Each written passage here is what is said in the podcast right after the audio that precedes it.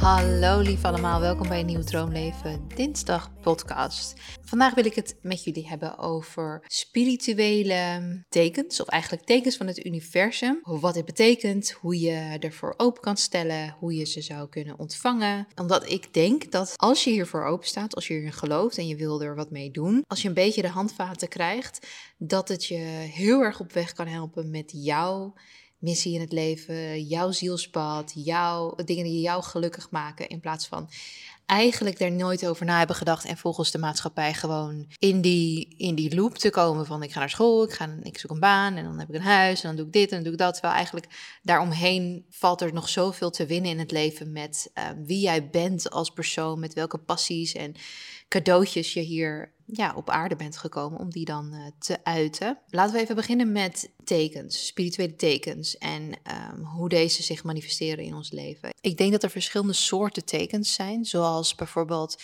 synchroniciteiten. Dus dat bepaalde dingen zich achter elkaar voordoen die een link met elkaar hebben. En ik denk dat je dat op twee manieren kunt opvatten. Dus zeg maar, als je er echt naar zoekt, dan vind je altijd wel iets. Alleen dat is anders dan wanneer je echt een beetje zo verbaasd opkijkt en denkt: dat is gek. Dat je echt voelt van die, die drie dingen, of die twee dingen, of die vier dingen, whatever, die horen bij elkaar of zo. Het is niet voor niets dat je ze te zien krijgt. Dus echt dat je denkt, huh, dat is gek. Ik hoorde van de week ook al zoiets. En dat is dan dus niet gek. Dat is dus met een reden zo. En ik merk vaak dat wanneer ik synchroniciteit aan andere mensen ga vertellen, dus iets wat ik zelf dan heb ervaren, dat het altijd niet zo krachtig overkomt als dat ik het heb ervaren.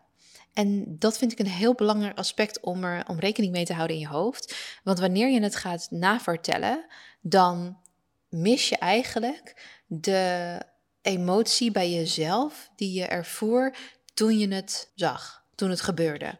En dat is een hele belangrijke, dat je denkt, oh, dat is gek. Want als je het op papier zet, dan zou het ook toeval kunnen zijn, zeg maar. Maar het is het gevoel wat daarachter zit, wat denk ik het grote verschil maakt. Een ander ding is um, herhaaldelijk bepaalde cijfers zien, bepaalde nummers zien. Ik heb in een eerdere podcast ook eens een keer verteld dat, kijk, wij leven in, een, in de derde dimensie, in 3D. En ons brein is dus ook gemaakt in 3D. Ik denk dat we 4D nog wel kunnen bevatten of kunnen zien, of als ik me niet vergis, zoiets.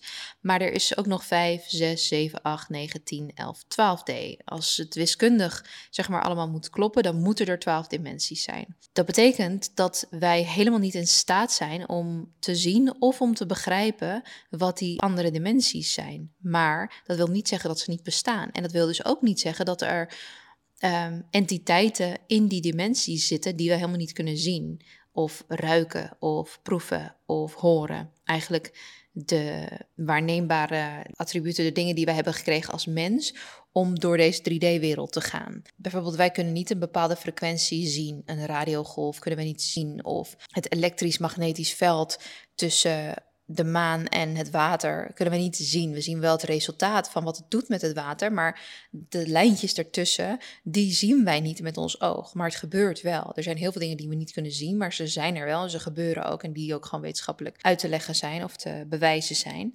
Maar dus als je dat dan doortrekt naar, hé, hey, dus zullen er misschien dan ook entiteiten of wezens in andere dimensies zijn die misschien wel ons willen helpen. Of het nou overledenen zijn, of het nou beschermengelen zijn, wat, hoe je het ook wilt zien of geloven, of verschillende, ja, verschillende functies hebben. Als je bijvoorbeeld gelooft dat het ook goede zitten, want er zit goed en kwaad misschien wel, dat zij op de een of andere manier hun boodschap aan jou moeten duidelijk maken als er bijvoorbeeld een cruciaal moment is in je leven, of als jij um, bepaalde beslissingen wil nemen, of whatever.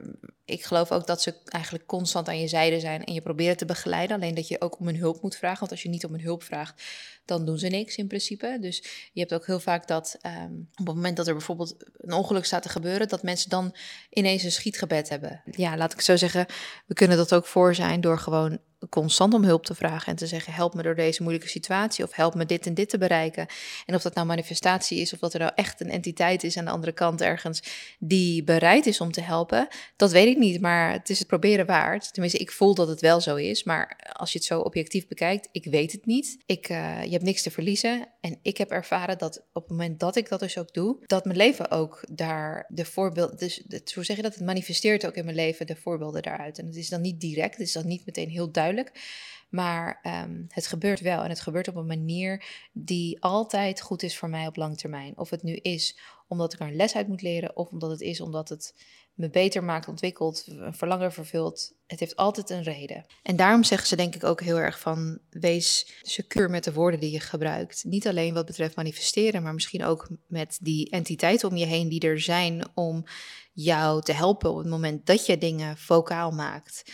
Dus als je zegt van, oh, ik ben echt zo moe, ik heb echt even vakantie nodig, maar ik heb geen vakantiedagen en, het, uh, en ik weet niet wat ik moet doen. En nou, dan geloof ik dat het kan zijn dat je ziek wordt en daardoor dus vrij moet nemen. En dat is dan niet de vakantie die je wilde, maar dat je daardoor dus moet gaan uitrusten. Ik had laatst dat ik zei van, uh, omdat ik veel meer aan het editen ben de laatste tijd voor mijn YouTube-kanaal, dat ik, en mijn laptop is nou ja, een aantal jaren oud en hij kan sommige beelden niet aan of zwaarte van editen kan hij soms niet aan. En dat ik zeg, ja, ik moet echt op een gegeven moment een nieuwe, een nieuwe laptop hebben, want dit, is, dit, dit gaat gewoon niet langer zo. En de volgende dag ging mijn laptop niet aan. En uh, hij laadde ook niet op via de poortjes. Of hij ging de hele tijd laden op en dan was het weer uit. Dus het was de hele tijd ding, ding, ding, ding. Dus hij pakte hem niet. En ik werd helemaal gek. Ik dacht, ik kan niet. Ik heb mijn laptop nodig. Ik heb mijn laptop nodig. Terwijl de dag ervoor was ik nog aan het zeggen, ja, ik heb echt een nieuwe nodig. En het kan niet zo langer met deze. Dus met dat soort momenten, dan denk ik wel eens van, uh, ja, wees ook een beetje voorzichtig ten moment wat je in je leven wordt gebracht op een manier waarop je er misschien helemaal geen zin in had. dus ja, dat is ook wat ik, uh, wat ik geloof en zie als, als tekens. Maar dus dat manier is, onder andere, van die andere entiteiten om in onze 3D-wereld een, een naal uit te laten stralen, zodat wij dat kunnen opvangen met onze zintuigen die we hebben hier op aarde in deze 3D-wereld. Aangezien wij niet uh, telepathisch per se met deze entiteit kunnen communiceren, sommige mensen kunnen dat wel, maar in principe de menigte heeft dat nooit geleerd of kan het niet, dan moeten we dus op een hele andere manier die communicatie doorkrijgen. Ik geloof ook dat er misschien iets met bepaalde dieren vaker voorkomen, dat daar een link zit met tekens van het universum, maar ook hele waardevolle toevalligheden, zeg maar, coincidences. Dat je denkt, oh, dit is heel toevallig tussen aanhalingstekens, maar het is zo waardevol dat je bijna denkt dat het gestuurd is door het universum. Ik denk dat een volgende stap is om je intuïtie te ontwikkelen, zodat je dus meer open staat voor dit soort tekenen en ze kan herkennen en dus ook ontvangen. En uh, er zijn wat praktische technieken voor die je zouden kunnen helpen, zoals bijvoorbeeld meditatie. Want hoe meer je mediteert, hoe meer je bekend raakt met, de, met niet afgeleid zijn, zeg maar.